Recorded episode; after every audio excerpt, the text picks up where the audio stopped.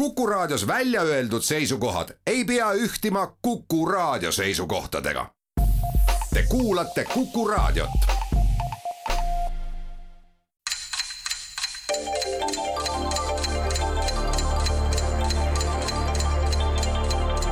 tarkade klubi targemaid küsijaid toetab lisateadmistega Postimehe raamatukirjastus. tere taas Kuku raadio Tarkade klubi tervitab häid kuulajaid ometi alanud kalendrisuve esimesel laupäeval. pikkade pühade kolmandal päeval, mil enesetunnet võib, aga ei pruugi mõjutada ka kalendrit jälgiv ilmataat mis keeranud loodusliku termostaadi näitudeni, kus pidudest järele jäänud virre on praeguseks kui kerisele kadunud ja uue järele on meie armsates maa, meie või Coop kauplustes saba seismas lähima bussipeatuse või kahara kaseni. On ometi käes kaunis kodumaine suvi, ühes huugamiseni kuuldud fiksi loomingu, liitrite viisi kerele lastud Imala sääsetõrjevedeliku aroomi, kvaliteedilt ja kvantiteedilt igasuguste liharoogade ja veel igasugusemat sorti ketšupiga. aga ka lugematu arvu hulga suvekontserdite, teatrietenduste, laatade, simmanite, diskode ja muu deklamatsiooniga. unustamata ei saa jätta muidugi arvukaid spordivõistlusi, aga ka lihtsat olemist ja rändamist, mõnes veesilma ääres lootuses kuulda pulmamänguga hilinenud konna kaeblikku krooksumist või ema kiivitajat taevas õiendamas nagu kuulaja aru saab, on saatejuht kõigest suve pakutavast kogu pakutava ulatuses veidi segaduses ega oska nüüd muud soovitada, kui kõike endale meelepärast meelepärases koguses ka serveerida. tarkade klubi kate näiteks kestab raadios tunnikese ja selle juurde nüüd asumegi. head kuulajad, võttes riski tänast päeva veel endiselt jaanipühade täisväärtuslikuks osiseks kutsuda, otsustas meie saate kollektiiv ometi teoks teha ka kummarduse kõigile neile säravatele, tarkadele ja ilusatele inimestele, kes eilse sünniaastapäevalise Apostel Johannesega ühte ja sama nime või nime tüve kannavad nõnda sündis, et kutse said ja võtsid ka lahkelt vastu mängijad, keda lisaks nimetatud epiteetidele, see on siis ilus, tark ja nii edasi, ühendab ka nimi. seega on hea meel tänases saates võõrustada suisa kolme debütanti, kelledest kaks on saatejuhiga silmsidemes Tallinna stuudios. tere ja aitäh tulemast saatesse, vastne diplomeeritud aviatsioonispetsialist ja kergejõustikuvõistluste teadustaja Johanna-Liisa Aimla. tere! ja Johanna paarilisena on hea meel öelda tere tulemast, kogenud nõunik, kommunikatsioonispetsialist ja poliitiliste telgitaguste noor veteran Johannes Merilai. tere, tänan kutsumast! Tartus stuudios aga, nagu kuulaja võib aimata, on ainsa mittedebütandina istet võtnud selle saate kogenuim mängija. ansambli Jaan Pärn ja Pahad seemned solist, Tartu Ülikooli geograafia kaasprofessor Jaan Pärn. tere ja head jaanijärgset aega Jaan oli üks selle saate esimesi osalisi täna nelisada viiskümmend seitse aastat, vabandust, nelisada viiskümmend seitse saadet tagasi. ja Jaani paarilisena. tunne on küll selline. ja, ja Jaani paarilisena on hea meel tervitada, öelda tere tulemast ansambli Von Dorpat solist, Rahvusringhäälingu sporditoimetuse töötaja, innukas spordiajaloolane Johannes Vedru. tere! Margus Pillau, raadiokuulajad Jalmar Soorand, Valeri Küpsis ja Taavi Pae on teie jaoks valmis seadnud kümme küsimust järgmistel teemadel. üllatus küll, Jaanid. Slava Ukraini sport, poliitika ja valitsemine ning Vaaria. alustame ja ehkki ei ole Tartu romantilised trubatuurid vastu, kui avavaliku õigus läheb noore daami osalusel mängivasse Tallinna stuudiosse, nii et Johanna ja Johannes, palun. Ladies first aitäh aga Johanna, vali siis midagi lihtsat meile kohe. aga võtame pühade vaimus kohe jaanid siis. see on üks hea mõte ja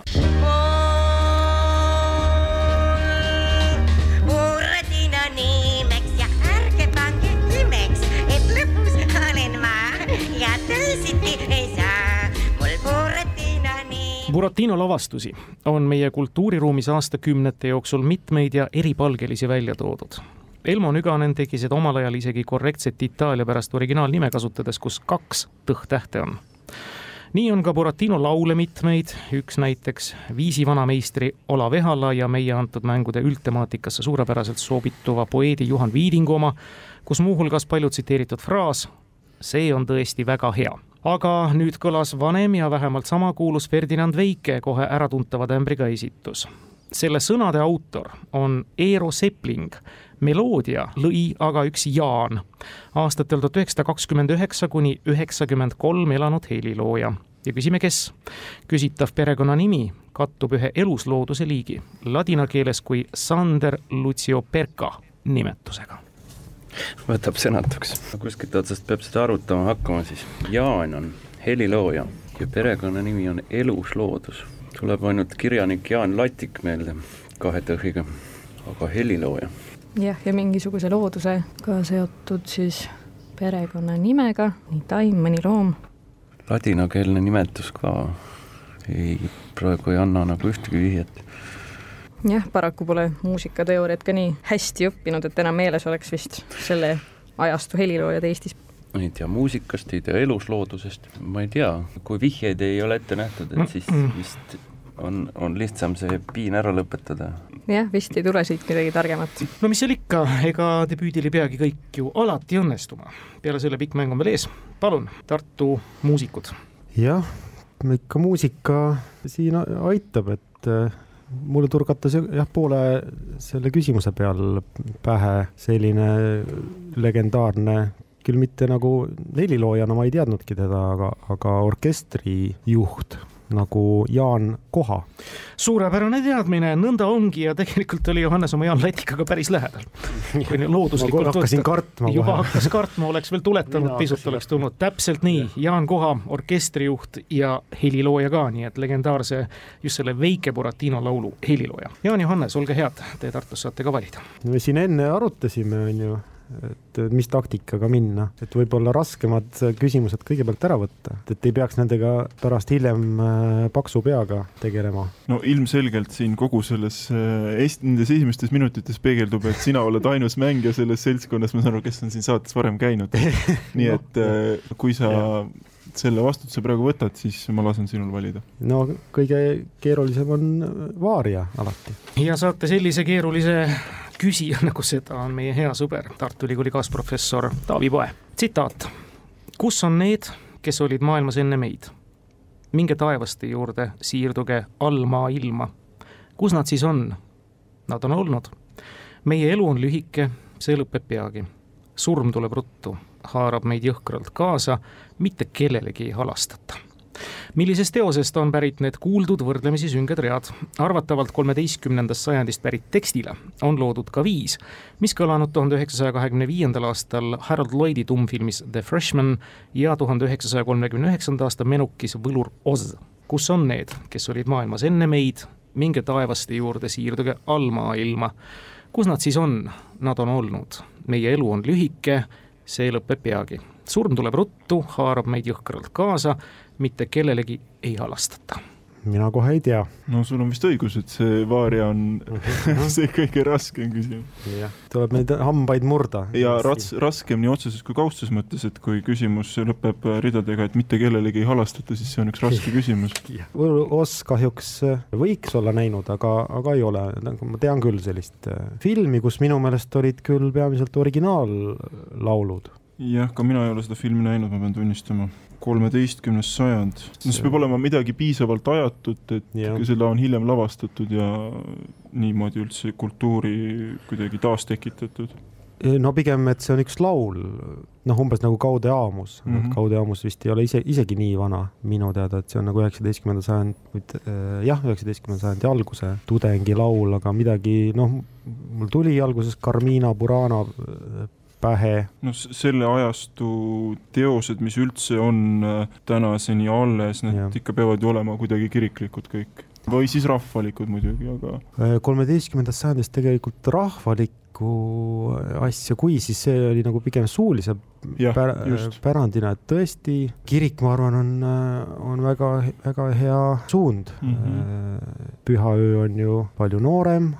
aga võluroos, et, et mm, -hmm. mis sinna üldse kuidagi konteksti mõttes sobituda võiks, mis no ma ütlengi, et see on e-, eriti huvitav sellepärast, et, et seal on muidu kindlasti originaallaulud, mis said sealt äh, tuntuks. praegu me oleme sellest, äh, sellest ossist, äh, hoiame kinni, aga aga ma arvan, et see on ka täitsa iseseisvalt ja seal oli vist ka vihje midagi, et on iseseisvalt ka, e-, ka Eestis täiesti sellest Ossi ta jõudis küll mm., aga et see on täitsa, ütleme Eesti kontekstis kõrvaline vihje, et me, me tegelikult teame seda täitsa Ossist sõltumatult, et midagi, mis tegelikult on keskajast ja no pigem mulle tundub, et see võiks olla ju laul. iseenesest võib-olla, et see on mingi noh, ütleme selline laste äh, liisu lugemine, noh, no entel tentel on küll näiteks rootsi keelest aga selliste sõnadega? noh, seal võib jällegi olla, et ainult mingid esisilbid on üldse tänaseni noh, selles siis laste versioonis jäänud üki-kaki kommi-nommi, noh, see on jällegi nagu äh, numbrid vähemalt alguses. kus on need, kes olid maailmas enne meid?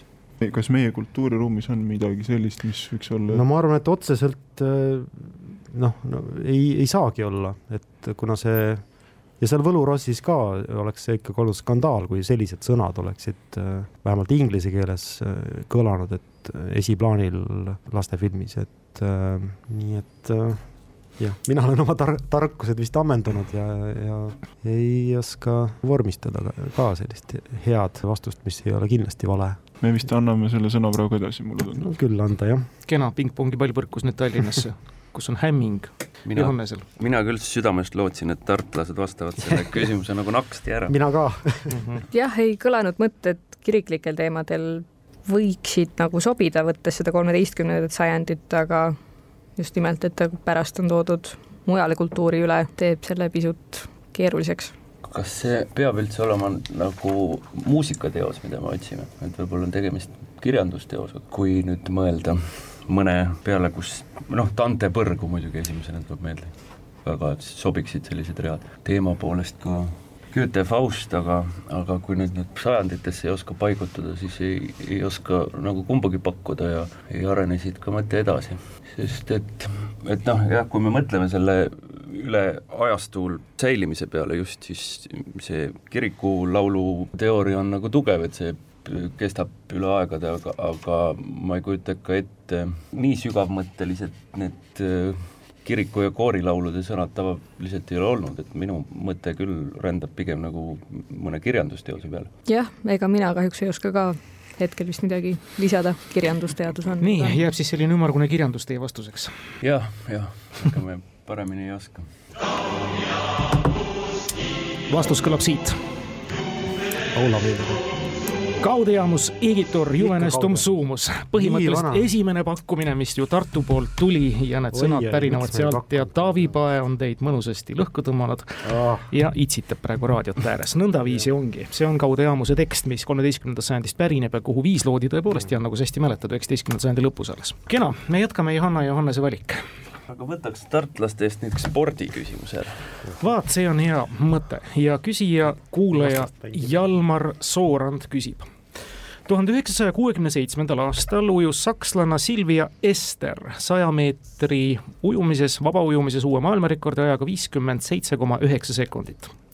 Rekordit aga ei arvestatud, ehkki see oli ujutud määrustepärases basseinis ja määrustepärase ajavõtuga küsimus kõlabki, miks siiski rekordit ei arvestatud ja vastus sobib südasuvisesse jaaniaega omal moel igati. nii, bassein oli määrustepärane.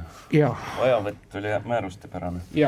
siis on küsimus, et, et mis võivad olla need, need põhjused, miks mõni rekord jääb arvestamata, et esimesena tuleb muidugi mingi dopinguaine meelde ja ma ei tea, kui jaaniajale sobivalt, siis võib-olla oli lihtsalt purjus, aga või on sul mingid teistsuguseid mõttearendusi. mul on täpselt see tunne, et kuskilt viktoriinist on see mul enne kunagi läbi käinud, aga no vot, ei mäleta seda vastust. seal ei saa ju ometi olla mingisuguse veetemperatuuri või asukohaga tegemist. no see, see sobib ka ju jaaniilma kui.... võiks selle poolest sobida, aga just, et vesi oli liiga soe. määrustepärane bassein, sinna alla läheb ka vesi. okei okay,, aga siis pidi ikkagi ju viga olema sportlases kui kõik muu oli määrustepärane, aga rekord jäi arvestamata. ehk oli ta siis liiga napis rõivas või midagi taolist, ehk ma ei tea, kuidas reglementeeritud on ujumises eh, spordirõivaste asjad. et tema supelkostüüm ei olnud määrustepärane. noh, ma ei tea, midagi me siit nüüd kuskilt peame otsustama, et kus suunas me selle vastuse lükkame. ja mis sobiks Jaani, Jaani aega jah, Veinu Jaani aega ongi, mis seal muud võib olla ja kui dopinguga selles mõttes ei julgeks võib-olla pakkuda, mis nad sellel ajal sellega ikka tegid, aga joobes ta muidugi võis midagi mängida, või siis ikkagi see riietus. me ei oskagi nagu öelda, kui muud asjad on määrustega vastavuses kas tuleb ka veel mingi kolmas võimalus meelde, mis seal võib valesti olla? sportlases, tema riietuses, et võib-olla jääks selle ujumiskostüümi juurde siis? jääge muidugi, ujumiskostüümis oli asi, õigemini selles, et seda ujumiskostüümi ei olnud. ta ujus selle distantsi alasti no.. ja seda vist ujumises ei lubata teha, ma küll ei tunne täis ujumismäärusi, erinevalt Johannesest Tartus, kes neil päevil ka ujumist usinasti kommenteerib. nii et seis on viigis, üks-üks.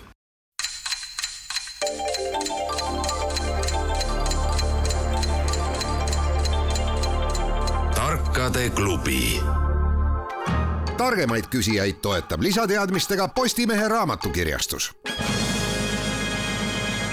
Jaan Johannes Tartus, palun. aga ma mõtlesin, et äkki valiks, eh, kui sulle sobib, siis eh, veel ühe toreda teema, poliitika ja valitsemine. jah, ma arvan, see on ka meile raske eh, teema, kuigi noh, eks siin viimasel ajal on tulnud kõigil ikkagi poliit-, kes, kes, kes ei ole ise poliitika vastu huvi tundnud, siis, siis nende vastu on poliitika huvi tundnud, nii et. absoluutselt ja sellega läheb täppi ka täpselt sellesama teema esimene küsimus ja selle küsimuse esimene lause. nimelt tõesti, kuidas käitub valija see on isegi enam kui miljoni dollari küsimus, mille vastuse eest on poliitikud nõus ka enam kui kolm tilka verd andma. ometi on selle prognoosimiseks proovitud lugematu arv erinevaid meetodeid ja mudeleid luua üks tuntumaid neist loodi seitsekümmend aastat tagasi Ameerika Ühendriikides, kus ühes ülikoolis asuti vaagima võimalikke tulevasi presidendivalimiste tulemusi, mis tõid hiljem võimule Dwight Eisenhoweri. see mudel kannab ülikooli nime, kus ta välja töötati, ülikool ise aga paikneb USA rahvaarvu kümnendas osariigis ja me küsimegi, millist nime? Küsimuse krüptiline osa ütleb, et küsitava vastus võiks olla sama hästi ka Buick, Pontiac või Durand Port no Buick ja Pontiac on äh, automudelid, äh, kas mm, -hmm. aga ühtegi automudelit, kas tuleb osariik? seitsekümmend aastat tagasi, nii tuhat. Eisenhower vali, valiti. viiskümmend kaks jah, Eisenhower valiti. mõtlen, kas meil on mingid piirkonnad mõistlik kohe välistada või? tegelikult ei ole nende Ameerika osariikidega ikkagi on niimoodi mm, -hmm. et, et et igaühes nendest ikkagi on väga tugev ülikool ja see just tihtipeale kannabki selle osariigi mm -hmm. nime. kindlasti on muid ülikoole ka, mis on muude nimedega, aga see, see ongi, lihtsam oleks nimetada jah, osariike, kus ei ole kuulsat ülikooli, Alaska praegu ei tule meelde, et oleks kuulus ülikool ja Hawaii, aga ma arvan, ülejäänud. ja seal ütleme, ei saa ka kuidagi ülikoolide mõttes võtta nii laia pintsliga, et et, et noh, a la näiteks justkui agraarsemad piirkonnad see ei saaks olla, et need ülikoolid on ju pigem iga, mitte, pigem jah, mitte jah ja..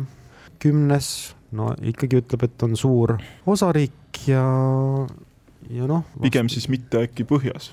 jah, no päris Main ei ole, Main on üks, üks kindlasti väiksema rahvaarvuga äh, osariike. ei välistamisega palju ei võida.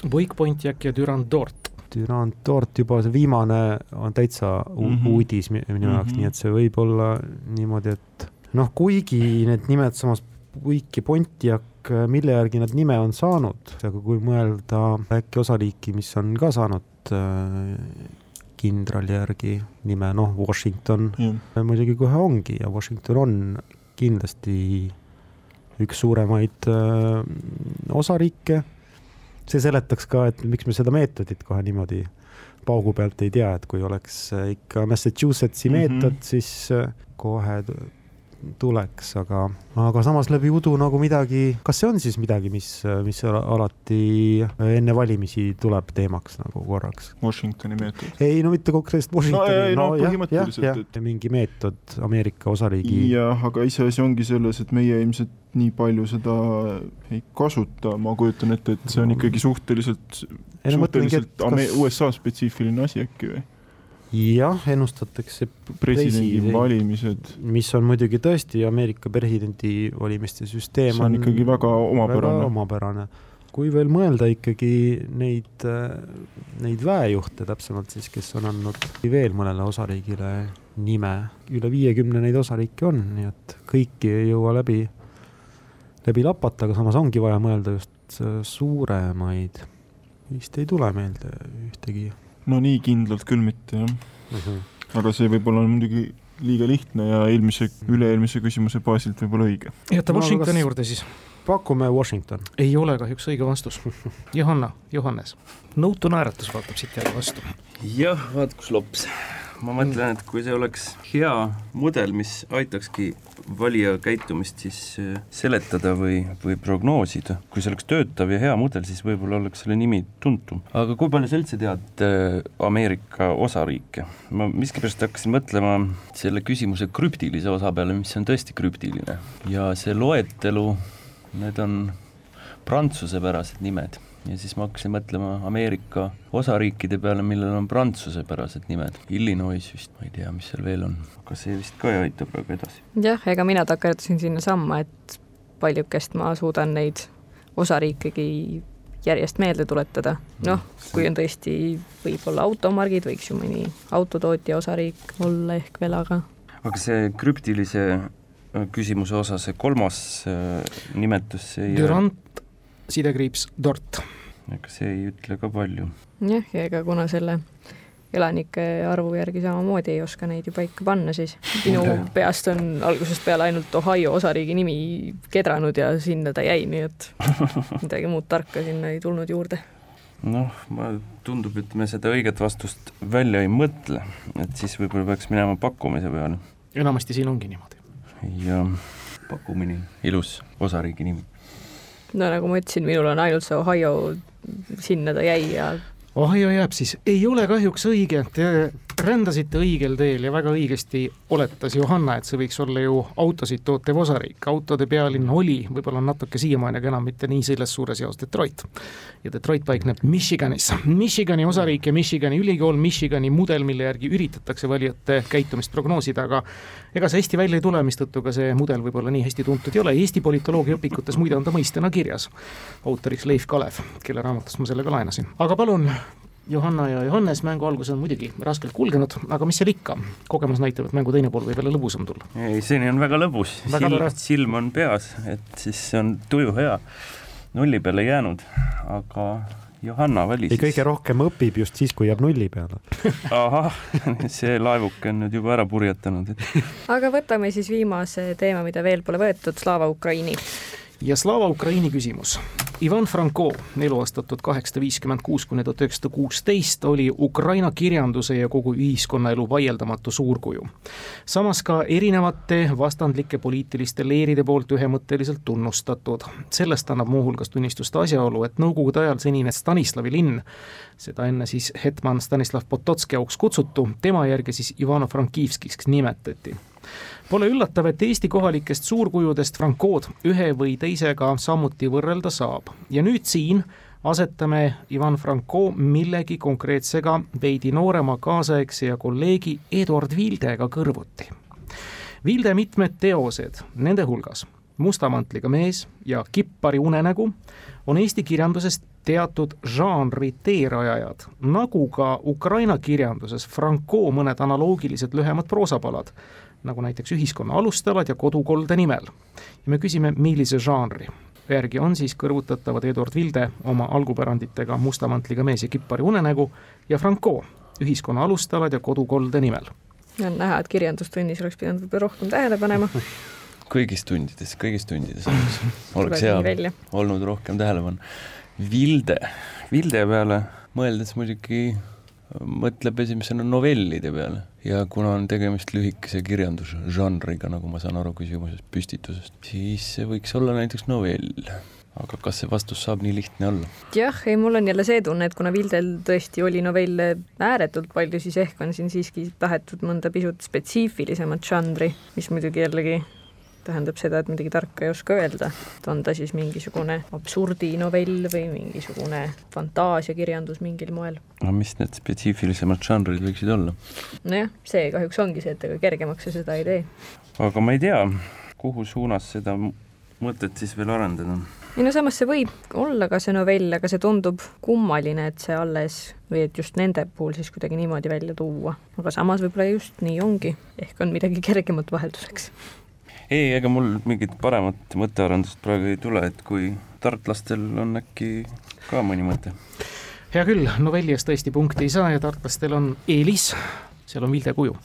jah, üks, üks iirlane segab teda seal, aga me vist mõtlesime ka sama rada küll siin vaikides ja, ja kribades, et no novell oleks, kuigi ühel, ühes mõttes võib-olla need olid ka ühtlasi esimesed äh, novellid äh, või esimeste novellide seas, aga tõesti, see oleks nagu liiga üldine, aga samas novellid nad äh, arvatavasti olid, aga ehk siis aga sinna oleks vaja mingi täpsustus ette panna, et, mis novellid. noh, kirjanduse tunnist midagi tuleb nagu meelde, et noh, kui Vildet õpet-, õpetati ju, ju, ju pikalt, siis Musta mantliga mees minu meelest käis seal läbi, et need sellised mingi perioodi või varased teosed, mis nagu ei kuulunud sellesse Vilde varemikku, nagu pigem oli mingi selline, no päris sopakad mitte, aga, aga noh, selline natuke kahtlane kirjandus.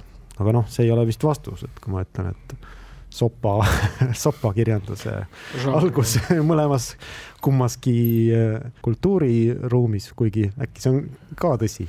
no kui pidi olema midagi uuenduslikku ja me võtame, et mm -hmm. siin on see Ukraina mõõde, mis meid võiks aidata, et siis meil endal siin tekkisid sellised mõtted, et võib-olla ulme, võib-olla õudus. ja, ja mina ütleks, et ma selle novelli küsimuse võib-olla jätaks üldse kõrvale hetkel, et mm, -hmm. et kas tegemist on ulmekirjanduse esimeste katsetuste ja algataja või jõuduskirjanduse katsetega mm. -hmm. et noh, ja nüüd küsimus siis, et kui me võtame näiteks selle Ukraina autori, siis et huvitav, mis oleks erinevatele huvigruppidele seeditavam ja mis võiks rohkem ühendada, et kas ulme või jõudus yeah,. Yeah. võib-olla siis, ma ei tea, kuidagi endal tundub, et pigem ulme mm, -hmm. aga samas. õudusega mul tuli muidugi meelde, et, et et kui me vastaksime õudus, siis me sellega kohe ütleksime, et Gogol ei ole Ukraina kirjanik, sest et Gogolil oli Vii ja see oli noh, ehtne õudus, sellega algas vene õuduskirjandust mm -hmm. võib lugeda vähemalt Gogoli viist alates mm. -hmm. et selles mõttes nagu meie loeme ikka Gogolit Ukraina kirjanikuks ja ärme siis õudust paku. aga noh, et kui musta mantliga mees ja kippari mm -hmm. unenägu, et siis ja ühiskonna alustalad ja kodukolde nimel mm. -hmm. noh, ega ei saa välistada, no neid viimaseid me ei ole isegi mitte kirjandustunnis äh, õppinud, ei saa välistada, et need olid sellised konksud, millega, millega lugejat meelitati, et alguses algab nagu kusagilt reaalsusest pihta ja siis äh, kisub tolle aja need, need ulmeasjad ju samamoodi algasid, noh, doktor Frankenstein põhimõtteliselt algab äh, ju kusagil laboris ja hakatakse asja otsast otsast ajama. ja noh, loogiline ka, et selles mõttes toonasele inimesele nii-öelda niipidi saigi kõnetada, eks yeah,, et sa yeah. viid ta sinna sisse ja valmistud ette. Ja... nagu kättpidi viid sisse jah ja., et ei saa välistada selle põhjal. no et, aeg võiks jah. olla väga sobiv. uuendusliku mõttes jah, et. paneme, et see oli ulmekirjanduse algus. Lähedal, ei ole kahjuks õige vastus. Mm. see, mille kohta me küsime konkreetsemalt, on kriminullid või detektiivid, musta mantliga mees ja kõik muu säärane. nii, meil on pool mängu selja taga, me oleme viigiseisus üks-üks ja jätkame ning mm. Johannes ja Jaan, Tartus teie valik. jah, hakkame otsast peale, nüüd on kõikidel teemadel silm ja, peas. silm peas, jah hakkame jälle otsast peale, et siis vaaria. ma lootsin seda küsimust küll Tallinnale, aga teie valik, teie õigus. Taavi Pae küsib, Suure Nõukogude entsüklopeedia teine trükk ilmus aastatel tuhat üheksasada viiskümmend kuni viiskümmend kaheksa. ühes selle väljaande esimestes köidetes ilmus ka pikk artikkel Lavrenti Beriast, aga Beria sattus peagi põlu alla. Ja kõigile tellijatele saadeti uued lehed palvega vana artikkel eemaldada ja uus artikkel asemele kleepida. See uus artikkel kõneles aga sootuks mitte Nõukogude inimesest, vaid ühest peamiselt kaheksateistkümnendal sajandil elanud ja toimetanud taanlasest. ja küsimegi, kellest. ja muidugi lähtuge vastuses ka küsija isikust ja ametist no Beria kõrval mõlemas keeles vist, see oli ju küll suur Nõukogude entsüklopeedia vene keeles, aga sobib, et seal oli viitus Bering. välk vastus sisuliselt, nõnda ongi Taani kartograafia maadeavastaja Viitus Bering ehk siis omanimelise Väina saare ja mille kõik geograafiliste objektide avastaja. Läheme edasi, kaks-üks ja Johanna, Johannes, teie valik no aga võtame spordi jälle. sport saab ka siis ammendatud ja Valeri Küpsiselt jälle küsimus. Erik Farrell on Suurbritannias töötav aerutamistreener, kelle õpilane Tim Brabants võitis olümpiakulla Pekingis kaks tuhat kaheksa tuhande meetri süstasõidus ja pronksmedali poole lühemal maal.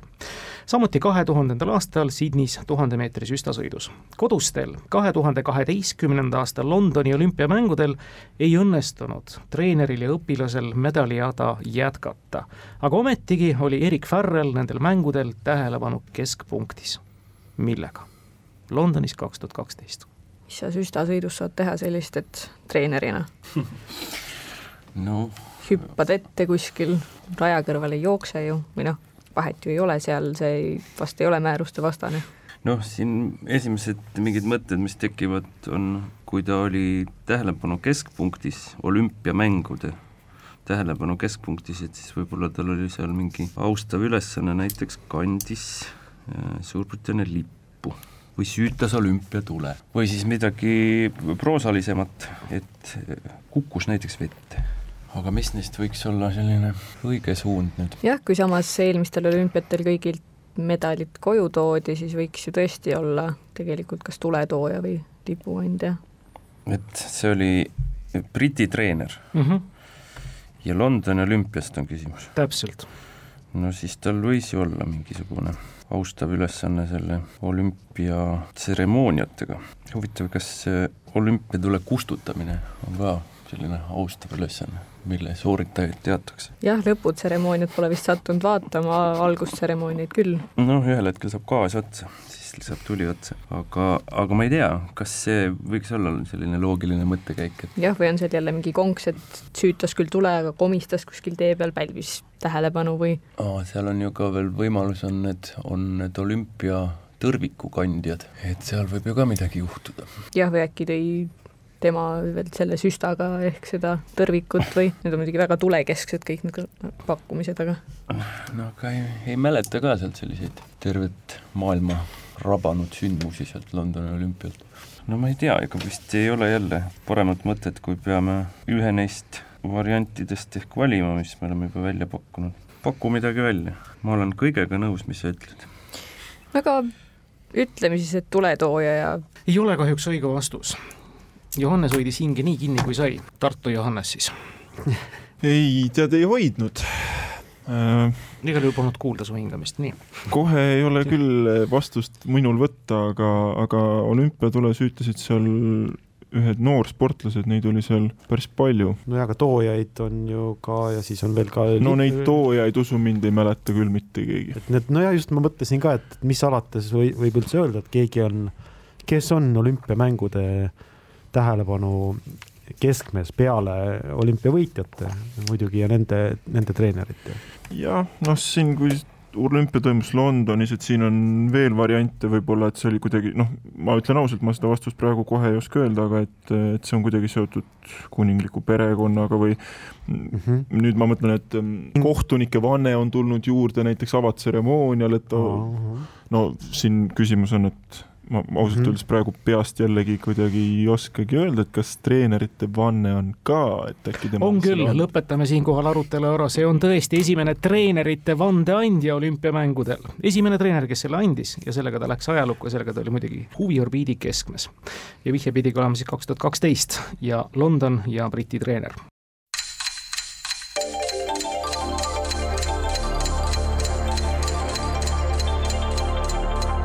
Tarkade klubi. targemaid küsijaid toetab lisateadmistega Postimehe raamatukirjastus. Tartu võtab siit kolmanda punkti, meil on kolm küsimust lõpuni minna, aga ei tasu siin meelt heita, Tallinnas kõik on võimalik. Jaan Johannes, teie valik. sümmeetria huvides, ma mäletan jälle samas rollis me võtsime poliitika. samas rollis võtsite poliitika. millise nimetuse all tuntakse meil täpi ja tildetähtedest kaunistatud eesti keeles inkrementaalset poliitikat. see mõiste tuli paljude valijate ja valitavate teadvusesse suuresti tänu Taavi Rõivasele, kes kahe tuhande viieteistkümnenda aasta aastalõpu intervjuus Sakalale seda mõistet kasutas, hiljem kultiveeris ja selgitama pidi. jaa, tildet selles äh, sõnas ei, ei tohiks olla, see on peenhäälestus. täpselt, see on peenhäälestamise poliitika, millest endine valitsusjuht pikalt rääkis ja ilkujatele muidugi ka vastama pidi, mida see täpselt nüüd siis silmas peetakse selle nime all. see on nüüd neljas enam punkt. keegi ei mäletagi. nii ta kipub poliitikas olema, Johannes noogutab, Tallinna oma. aga saab nüüd ka teema valida, meil on äh, kaks küsimust lõpuni minna, meil on veel jaanid jäänud ja üks Ukraina, kumma te võtate? no võtame jaanid. omal ajal on koodijaani ehk Jaan Tõnissoni Tartu vaimu kehastuseks nimetatud ja sellele väitele on keeruline vastu vaielda. tänapäeval on nii mitmetegi arvates Tartu vaimu personifikatsiooniks üks teine, kaks kuud tagasi kaheksakümneseks saanud Jaan, elukutselt elektriinsener, sa naerad ja tahad öelda vastust juba? munajaan äkki. vot nii, ma ei saanud küsimust lõpunigi lugeda, täpselt nii ta on ja mööda. see oli ju meie küsimus. no peaaegu, aga te võtsite ka peenhäälestuse poliitika näiteks Johanneselt ära, nii et nii see mäng käib. kaheksa aasta eest pälvis ta ka siis äh, klaasist auhinna, mil kuju juhuslikult disainitud ei olnud. linnapea Urmas Klaas andis volikogu esimehe Aadu Mustaga talle selle isiklikult üle. et tegelikult oli küsimuses ka, mis kujuga see auhind oli, aga selle peale poleks olnud ka raske tulla. teine punkt Tallinnale ja Tartul on punkte neli ja Ukraina küsimus jääb nüüd kõlama siis äh, kõigepealt tartlastele. Kiievist pärit juudisoost, sealsamas viiuldaja hariduse omandanud mitme Nõukogude tuntud estraadilaulu, näiteks kurgedeks muutunud langenud sõduritest ja samuti vapra tinasõduri multifilmi helilooja Jan Abramovitš Frenkel, tuli niisiis tollase Ukraina NSV pealinnas ilmale kahekümne esimesel novembril. ametliku versiooni järgi on ta sünniaasta tuhat üheksasada kakskümmend aga tegelik kas tuhat üheksasada kakskümmend neli või kakskümmend viis. kuna suure Isamaasõja puhkedes soovis Frenkel kohe rindele minna ja valetas ennast vanemaks. sünniregistrisse oli tal aga eesnimeks kantud mitte lihtsalt Jan, vaid veidi pikem nimi, mis ühe konkreetse selleaegse tuntud eestlase järgi pandi. ja me küsime, kelle järgi sai see Ukraina juudisoost helilooja oma nime. asjaolusid arvestades oleks nimelt tuhat üheksasada kakskümmend neli Frenkeli täpseks sünniaastaks pakutav. ja see on nüüd oluline vihje, kui keegi vastajatest Kalamaja asumiga kuidagi seotud on, siis on tal mõistatamisel teatud eelis. Oi,. oi-oi-oi, kust äh, otsast alustada, aga mina alustaks, võib-olla kõige lihtsam oleks pikem nimi, et äkki talle pandigi Jaan nimeks, et see oleks natuke pikem kui oleks veerandi võrra või kol, isegi kolmandiku võrra pikem kui, kui Jan aga no. aga või, või siis ikkagi topeltnimi, et. Äh, no igatahes jah, et siis nagu läheks keerulisemaks, aga kui see oleks Jaan tuhat üheksasada kakskümmend neli ja ikkagi, kui me räägime punaselt äh, poolelt, noh, kõige suurem asi, mis Eestis juhtus tuhat üheksasada kakskümmend neli, oli ju detsembri ülestõus mm. -hmm ja seda ju juhtis äh, Jaan ja. Anvelt ja kas Kalamajas ei olnud Jaan Anvelti tänavat? Kusagil Tallinnas äh, oli. jah, ja ütleme pärast tahtis, kas ma, kas ma mäletan õigesti, tahtis suures Isamaa sõjas võidelda? see Frenkel sellepärast valetas oma Just. sünniaasta. nii, aga see tähendab, et äh, nojah, vot mis poolelt muidugi, nojah, suures Isamaa sõjas. teoreetiliselt, et äh, detsembri mäss nii-öelda tema poliitilise meelestatusega võinuks nagu sobida. absoluutselt. kui sa ja, niimoodi ja, arutled selle üle. ja ma arvan küll, et kui see on poliitiline sündmus, siis ei saanud äh, jah, mingi, mingi Eesti ja, juristi ega nojah, Eesti riigimehe ja samas ma juhin tähelepanu, et teema nimi on Slava Ukraini. et noh, kas see nüüd kas see nüüd kas klapib? see nüüd klapib? ei, Jaan Anvelt ja Slava Ukraini jälle ei klapi. nii palju klapib, et me räägime Kiievist pärit juudi soost sealsamas siis muusikahariduse. no ja ju, ju, juudi soost muidugi neid äh, selliste vaadetega inimesi oli palju. no see on lausa terve ideoloogia on see, mis veeretab äh, kommunismi ja bolševismi juutide vastavalt siis kas kaela või, või teeneks. ühesõnaga üks selline mõtteviis, aga et korraks oli... jäin äh, küll, mõtlema, et kui ta tegelikult sündis tuhat üheksasada kahekümnendal aastal. ametliku ja versiooni siis... järgi, tegelik sünniaasta on kas kakskümmend neli või kakskümmend viis. ahah, ahah, ahah, ahah no see klapiks. kahekümne esimene november, no muidugi jah, kui ta nüüd kakskümmend neli sündis kahekümne esimesel novembril. ja nime sai võib-olla tõesti. Äh, siis pandi see nimi, siis pandi see nimi hiljem jah. üheksa, täpsemalt siis kümme päeva ja. hiljem. pakume Jaan Anvelt ei ole kahjuks õige vastus. Te lõpetate küll võitjatena tänase mängu nelja punkti peal ja päris lähedale võib jõuda teile Tallinn, kui nüüd teab vastust. see on jälle üks neist küsimustest, mille ma lootsin, et tartlased vastavad ära, aga kalamaja peale mõeldes, see on see osa sellest küsimusest, mida tartlased väga ei menetlenud. ja mul on nüüd küll piinlik öelda, et ma olen viimased kolm aastat elanud kalamajas ja mul ka vähemalt seni ei ole tulnud küll ühtegi seost sellega, mis võiks seal olla selle Jaaniga. mõni tänavanimi või mõni inimese nimi. Nojah, mina ei ole ka Kalamajast kuigi kaugel, kuid ühtegi väga suurt ausammast ega säärast hetkel ette ei tule, võib-olla tuleb tuurile minna. seal on Gustav Adolfi gümnaasium. aga jah, nimelisi tänavaid seal ju ka kohe ette ei tule, võib-olla siis ongi siis mingi tänavanimi, mis perekonnanimega, aga see on jälle selline paku üht ja viska teist mm,. seal on need tänavanimed on niisugused industriaalsed ja erinevad metallid ja sulamid, aga inimese nimega, nojah, selles osas siit praegu nagu, nagu ei arene see mõte, aga, aga kes võiks olla see, see tuntud eestlane, kelle järgi talle see kahekümne neljandal, kahekümne viiendal aastal see nimi pandi, lühidalt Jan, Jaanid, Jaanused eks neid poliitikuid Jaane ja Johanneseid oli ka siis suhteliselt mitmeid mm., levinud nimi siiski. no nimesid pannakse ikka nagu niisuguste päevakajaliste, päevakajaliste sündmuste või tegelaste järgi nagu praegu Ukrainas olla kuuldavasti palju Javeline ja Javelinasid. mõni Bayraktar ka või? just, just. põhimõtteliselt küsitakse kahekümne neljanda aasta Bayraktari või, või äh, Javelini jaa, aga mis see sellel ajal see seos võis olla? Eestis keegi siis inspireeris. äkki see niimoodi ajastu vaimuga kooskõlas oli siis mõni revolutsionäär, mõni punane. mul küll hoobilt praegu ei ole niisugust valmis küpsetatud vastust, mida kohe välja pakkuda. jah, nende aastatega hetkel ei viska ette küll üht kindlat nime. ma teen teile pika pai sel juhul ja punkti küll ei pane ja lõpetan Me, selles mõttes piinad. minule tuli meelde vahepeal, ma arvan, kas ma tohin uuesti pakkuda punkti vabalt? muidugi võid. ma arvan, et see oli, et see Kalamajaga seos on siis see, et kunagi kandis Salme Kultuurikeskus selle mehe nime, kas on tõsi? See on tõsi, see on Jaan ja. Tomp, Frenkeli ametlik eesnimi oli Jan Tomp, täpselt nii oligi. Jaan Tomp oli siis Eesti Vabariigi algusaegadel juhtivaid kommuniste, kes ainsana siis nõndanimetatud viiesaja kaheteist protsessil neljateistkümnendal novembril tuhat üheksasada kakskümmend neli kohtuotsusega hukati ehk maha lasti Nõukogude Liidus kujunes temast omamoodi märter, nii nagu ka Viktor Kingisepast neli aastat varem. Jaan Tombi järgi said nii-öelda tööliste ja talupoegade riigis ka mitmed vastsündinud poisslapsed nime. Salme kultuurikeskus kandis siis Nõukogude ajal Jaan Tombi kultuuripalee nime, kirjeldatud ajaloolistele sündmustele järgnes peagi siis tõesti esimese detsembri mässukatse, milles jälle üks teine Jaan, Jaan Anvelt Võltmäe rolli mängis, selles mõttes oli Tartu esimene pakkumine ka väga lähedal ja hea. kuulge, üle poolte küsimustest on ikkagi vastuse saanud, te olete tublid olnud, me oleme teinud väga resultatiivse mängu ja selle lõpetuseks, nagu ikka traditsioon ette näeb, valime ka teie abiga parima kuuldud küsimuse. no riskides siin korruptsioonisüüdistusega mina vaatasin, siin oli palju ju selliseid natuke liiga raskeid ja natuke liiga kergeid äh, küsimusi, aga minu meelest selline paraja raskusega, mis jäi meil napilt vastamata, oli ikkagi Kaude Aamus. nii, Kaude Aamus ja Taavi Põe, korruptsioonist ei maksa rangugi olla minu maitse. ja Johanna ja Johannes, mis te arvate? no mulle on ikka sport lähedane, nii et see treenerite vanne meeldis mulle tegelikult mm. -hmm. see oli ka hea küsimus, tõesti.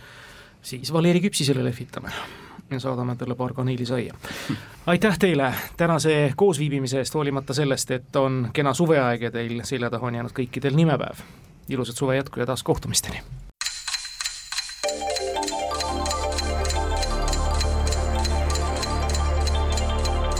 tarkade klubi targemaid küsijaid toetab lisateadmistega Postimehe raamatukirjastus